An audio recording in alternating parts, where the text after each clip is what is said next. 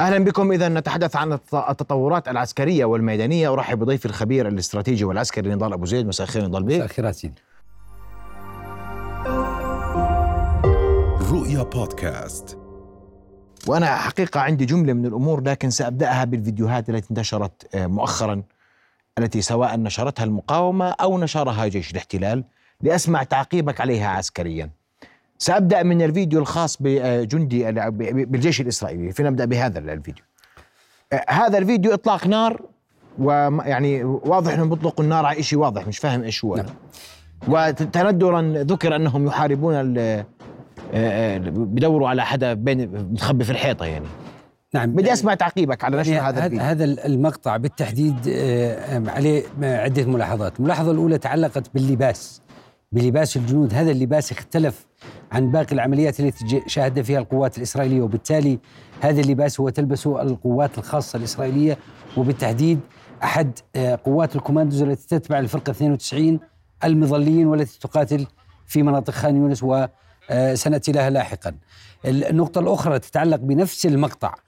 أحد الجنود حجمه يختلف عن حجم باقي الجنود. وبالتحديد حجمه ليس من حجم الجنود الإسرائيليين. بالعادة الجندي الإسرائيلي تقريبا لا يكون بهذه الضخامة الموجود فيها هذا المقطع وبالتالي يبدو أن في هذا المقطع أحد الجنود الذي كان موجودين مع الجنود الإسرائيليين قوات الكوماندوز الإسرائيلية هو قد يكون من قوات الدلتا فورس الأمريكية أو قوات الدلتا الأمريكية للقوات الخاصه وهذا ما يفسر أن بعض المصادر أشارت إلى وجود بعض المستشارين من قوات الدلتا الأمريكية تقاتل مع القوات الإسرائيلية بالتحديد في عمليات البحث والتفتيش عن الأسرى الإسرائيليين. الأمر الآخر يتعلق في هذا المقطع. أنا أعتقد أن هذا المقطع لا يتجاوز كونه مقطع استعراضي لا أكثر ولا أقل لأنه لم يظهر فيه لا المقاومة ولا عملية قنص المقاومة رغم قرب حسب ما ادعى آه، المقطع رغم قربهم من القوات أو من عناصر المقاومة. يا سيدي بس أنا أسألك سؤال يعني إطلاق النار في أول الفيديو في المدرسة الفاضية. نعم. هيك بدي أسميها. فاضي. يعني لا ولا ولا التكتيك يعني حتى أنت تزعلش مني يعني لم يظهروا حتى يعني شهيدا واحدا. نتيجة هذه العملية إن صح تسميتها عملية. تماما وهذا ما نشير إليه حتى التكتيك. آه، لاحظ يعني طريقة الدخول لا تكون بالطريقة هي ولا بالعرف العسكري ولا بعرف هذا فيلم سينمائي. في المناطق المبنية أنا لذلك قلت أن هذا المقطع لا يتجاوز كونه مقطع استعراضي لا أكثر ولا أقل. النقطة الأخرى أنا العملية آه، أشاروا إلى بدائرة معينة أظهرت أن الدائرة تشير إلى عنصر المقاومة لكن لم نشاهد شيء في هذا المقطع. رغم تقريبه من بعض الوكالات ومن بعض الفضائيات تقريب المقطع لعله عسى يشاهد بعض عناصر المقاومة في هذا المقطع لكن لا شيء ظهر يبدو أن الماكينة الإعلامية الإسرائيلية لا تزال لا تزال تحاول. الترويج لأن قواتها تقاتل في المقاومة وبالتالي هي تريد آه، نفض الغبار عن بعض الانتقادات التي وجهت لقواتها أنها لم تظهر بأي آه، مقطع مصور تقاتل هذا برأيك نفق اللي هم بيشيروا لكنه يعني لاحظ كيف حتى في تصويره يعني. يعني حسب ما أشارت أو حسب ما أشار الجانب الاحتلال إلى هذا المقطع أنهم قاموا بالوصول إلى بعض بوابات النفق لكن هذه مدرسة وطبيعه آه، آه، جغرافيا غزة معروفة أنها منطقة ترابية وبالتالي يمكن أن يكون ملجأ أو يمكن أن يكون نفق. ليس بهذا الشكل يكون مدخل آه، الأنفاق للمقاومة وأرادوا وضعه داخل المدرسة حتى يشيروا ببروباغندا إعلامية إلى أن المقاومة تستخدم المدارس والمستشفيات رغم أن هذا لا يشير إلى أن هذا الواقع أو هذا آه، المقطع صحيح. طيب أنتقل لفيديو آخر وهو آه، فيديو مهم جدا نشرته المقاومة يوم أمس وهو للجندي الذي كان اسير لدى المقاومة وقتلته قوات الاحتلال فيما أسمته آه، عملية آه، تحرير لجندي. نعم هذا المقطع مهم جدا وسؤالك سيدي مهم جدا. في المقطع هناك شيء ملفت للانتباه.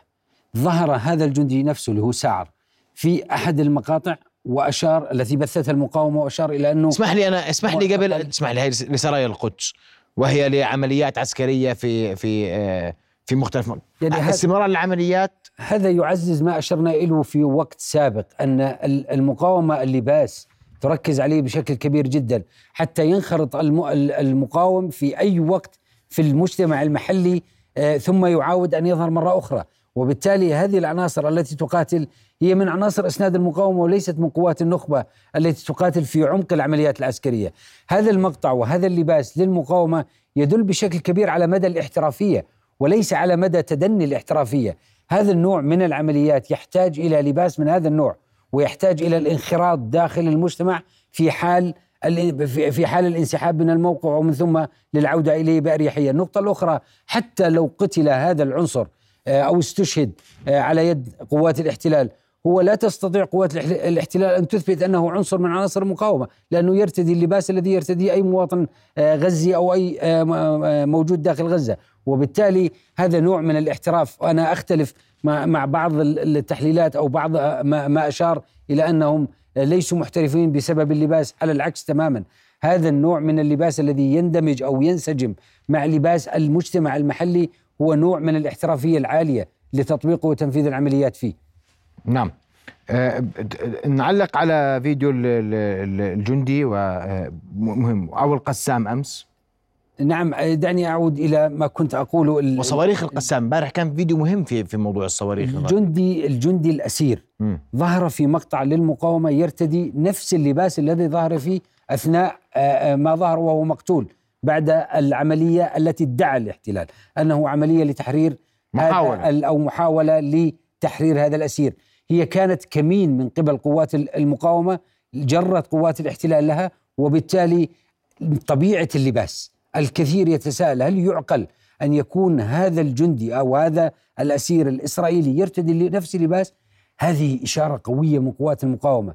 إذا ما ذهبنا أيضا إلى الأسرى الذين تم تحريرهم هم كانوا يرتدون نفس اللباس المدني. حتى غطاء الرأس لم لم تجبرهم المقاومة على تغطية الرأس وبالتالي هي إشارة كبيرة جدا من المقاومة لا تريد أن تدغم بالدغمة التي وصفت بها بعض الحركات الإرهابية المتطرفة مثل داعش حينما ألبس الأسرى والمخطوفين والرهائن بعض اللباس مثل اللباس البرتقالي وبالتالي هؤلاء الأسرى آه، آه، تعاملت معهم آه، المقاومة وحماس ضمن القانون الدولي الإنساني وضمن حقوق الإنسان. جعلتهم بلباسهم ولم تقوم بارتدائهم أي لباس آخر فرضتهم عليهم قوات لكن. عسكريا هل يمكن بأي طريقة من الطرق أن نعتبر عملية أو محاولة ما أسماه الاحتلال تحريرا؟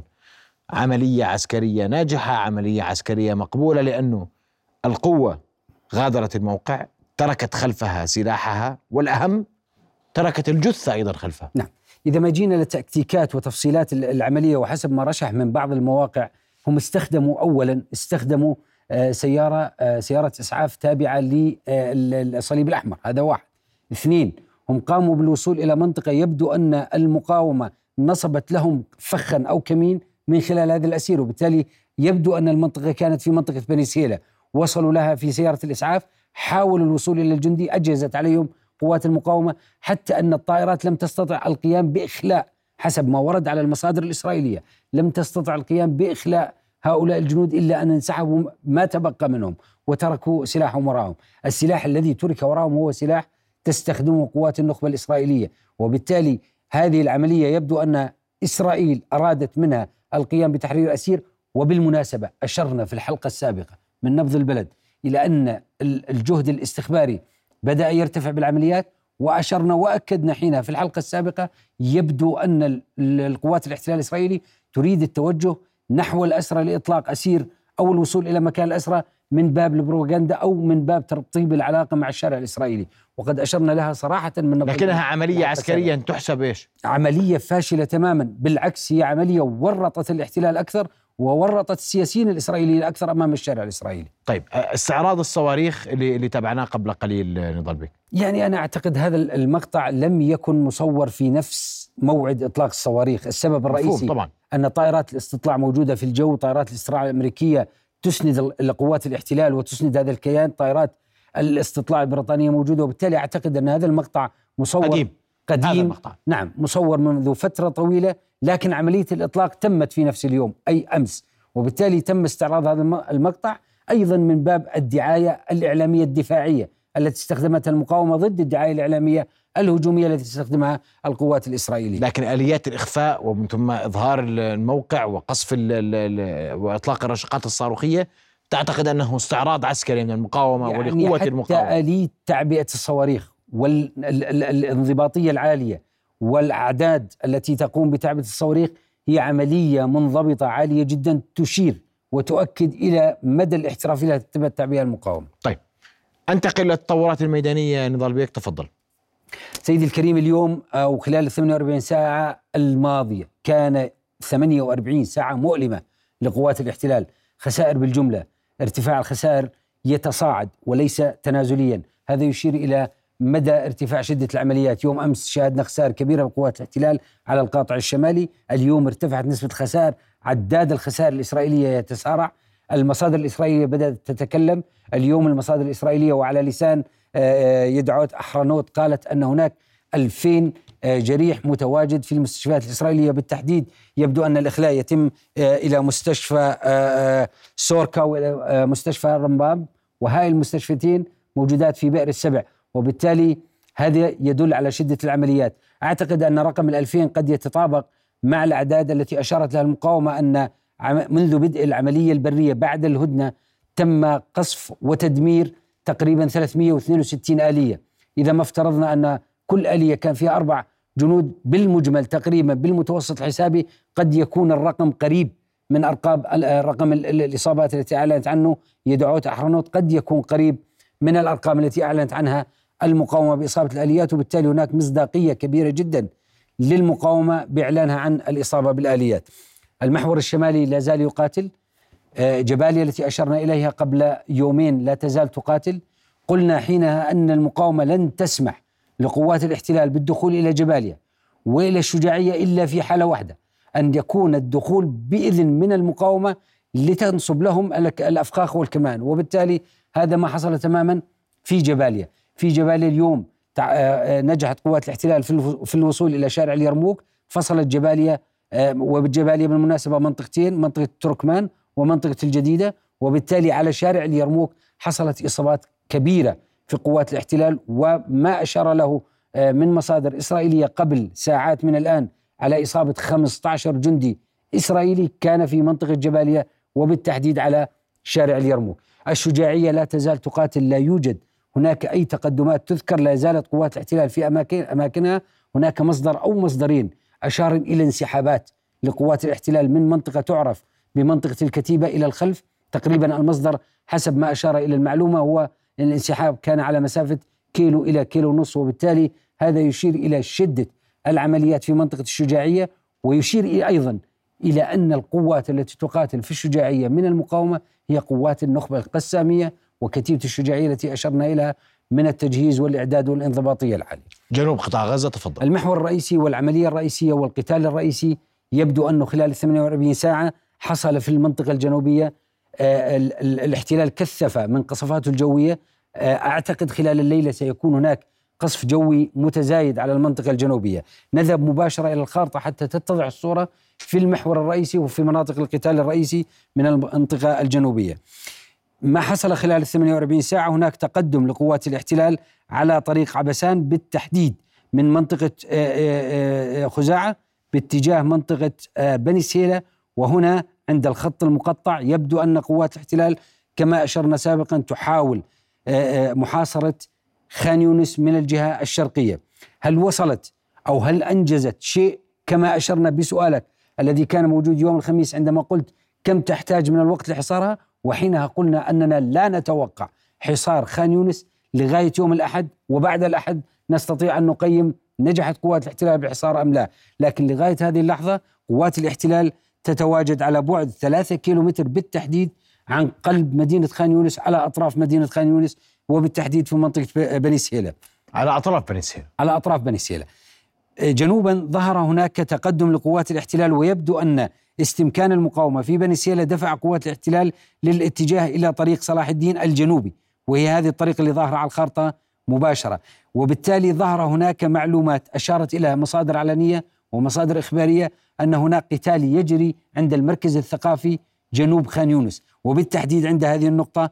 وبالتالي يبدو أن قوات الاحتلال تتراوح في عملياتها وهي عمليات مائعة بين اليمين واليسار وبالتحديد بين بني سهيلة والمركز الثقافي تريد محاولة جادة لإطباق الحصار من الجهة الشرقية على خان يونس. إذا ما اتجهنا شمالا باتجاه خان يونس تقدمت قوات الاحتلال عند هذا المحور. حصل تقدم منذ يوم الخميس لغاية اليوم لم يتجاوز هذا التقدم واحد كيلو متر وصلت قوات الاحتلال عند هذا الخط المقطع وبالتالي هي الآن موجودة عند منتزه البلدية. ما يعرف بمنتزه البلدية شمال قطاع غزة وبالتحديد تبعد عن قلب شمال خان يونس. عفوا شمال خان يونس وتبعد تقريبا كيلو إلى كيلو ونص عن قلب مدينة غزة. بالمناسبة هذه المناطق التي تتحرك فيها قوات الاحتلال هي مناطق مفتوحة.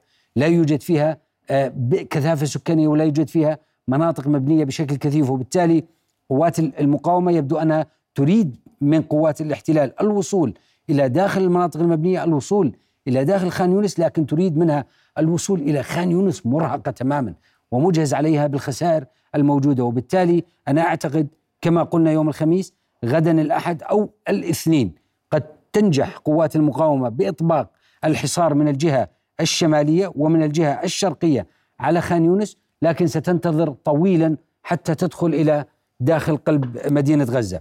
في المحور أو خان يونس.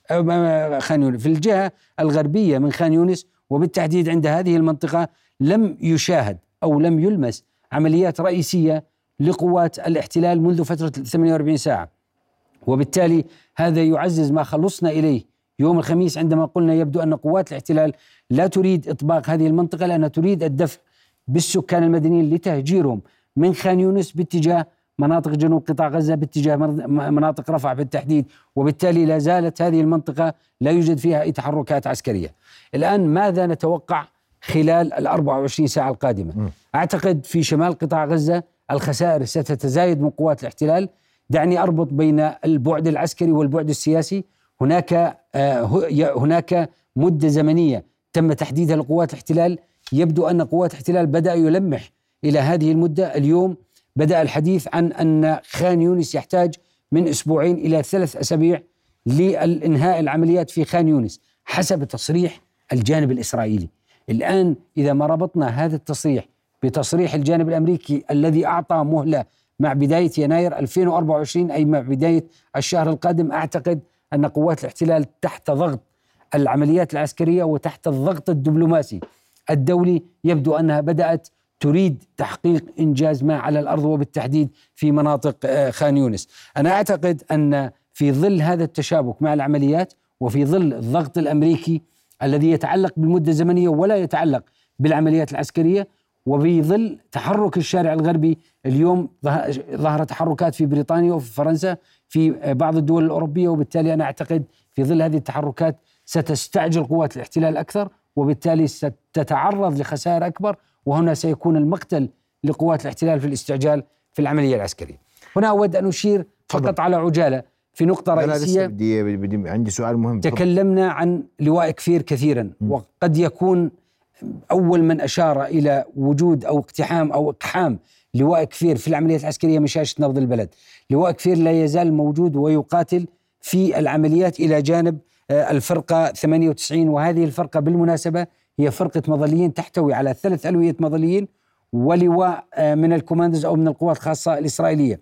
بالتالي هذه الجسم الرئيسي للقوة المقاتلة هو لواء المظليين 98 ولواء كفير هو لواء البحث والتفتيش الذي يبحث من خلال المعلومات الاستخبارية يريد الوصول إلى أسرى عملية أو وتيرة ال information operation أو استخبارات المعركة بدأت ترتفع كثيرا وليس قليلا. شاهدنا العديد من عمليات الاستخبارية شاهدنا العديد من عمليات جمع المعلومات التكنولوجية والفنية تريد الوصول بأي ثمن إلى أي هدف قد يمكنها من راحة السياسيين نوعا ما آه، نتيجة خلاف الخلافات التي بدأت تظهر في هذه اللحظات نحكي فيها أنا وياك. تنشر بعض وسائل الإعلام العبرية تتحدث بعض وسائل الإعلام العبرية بطريقة ممنهجة على ما يبدو بإرسال رسائل بأن معلومات استخبارية استخباراتية تؤكد أن هناك إصابة للناطق باسم القسام آه، أبو عبيدة وأنه يعالج في مستشفى ناصر للتأكيد على ذات النهج الذي يستخدمه الاحتلال يعني حتى في توجيه الرسالة نعم. هذا تمهيد لاستهداف مجمع ناصر الطبي الذي لن يظهر فيه أبو عبيدة كالعادة نعم. لكن لماذا الآن تستخدم آه، هذه الرسائل وبات الآن أبو عبيدة مصابا وفي مجمع ناصر الطبي بحسب ادعاء الاحتلال وشائعته التي يطلقها الآن ليبرر أكثر على ما يبدو دخول مجمع ناصر الطبي. يعني إحنا نحن أمام مشهد فانتازيا سياسية وعسكرية لا أكثر ولا أقل من ناحية من ناحية أخرى. عندما سألتني في أحد الحلقات أين أبو عبيدة وأشرت لك أن أبو عبيدة سيظهر بعد أن يقوم قوات الاحتلال أو تقول قوات الاحتلال أنها تعرض للإصابة أو نتيجة أحد العمليات آه، المركزة آه، تعرض للإصابة وبالتالي هم يريدون أو يبدو أنهم يريدون إنشاء صورة نمطية مكررة لصورة مجمع الشفاء للاتجاه إلى مجمع ناصر الطبي بحجة إصابة أبو عبيدة وأنه موجود داخل مجمع الناصر الطبي وبالتالي حتى لا يتم انتقادهم من قبل المجتمع الدولي ولا من قبل الماكنه الإعلامية نتيجة انتهاكات إنسانية تجاه هذا المجمع الطبي. في المقابل في المقابل أنا أعتقد أن بين آه، آه، آه، متضادين لا يمكن تجاوز هذا التصريح سوى كونه فانتازيا سياسية لا أكثر ولا أقل يندرج في إطار عمليات المعلومات التي تريد إسرائيل منها تحقيق أي إنجاز مهما كان هذا الإنجاز. والآن انتقلنا من فكرة الأسير ومن فكرة بيت السنوار إلى فكرة جديدة وهي آه، أبو عبيدة. بيت السنوار ما صار عليه شيء لا شيء لا شيء لا شيء. ما زال محاصرا منذ ذلك التاريخ. وبالتالي أنا لا أعتقد أن لكن بهذا التصريح آه، وإذا صدر رسميا عن جيش الاحتلال قد يكون موعد ظهور أبو عبيدة قد حان إذا ما آه، تطابق هذا التصريح مع ما تكلمنا به سابق وظهر بعدها أبو عبيدة أعتقد أن تقييماتنا تكون بنسبة 100% قد تطابقت مع ما حدث على الأرض. نعم. أشكرك كل الشكر نضال أبو زيد الخبير الاستراتيجي والعسكري على وجودك معنا ليله. كل الشكر شكرا جزيلا لك. أهلا وسهلا. رؤيا بودكاست